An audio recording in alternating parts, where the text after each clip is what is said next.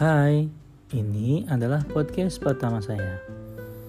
Di dalam podcast ini, saya akan berbagi semua pengalaman saya dalam hidup, dalam kelas, dalam pembelajaran, dalam kegiatan-kegiatan saya yang saya lakukan setiap harinya. Yuk, disimak sama-sama.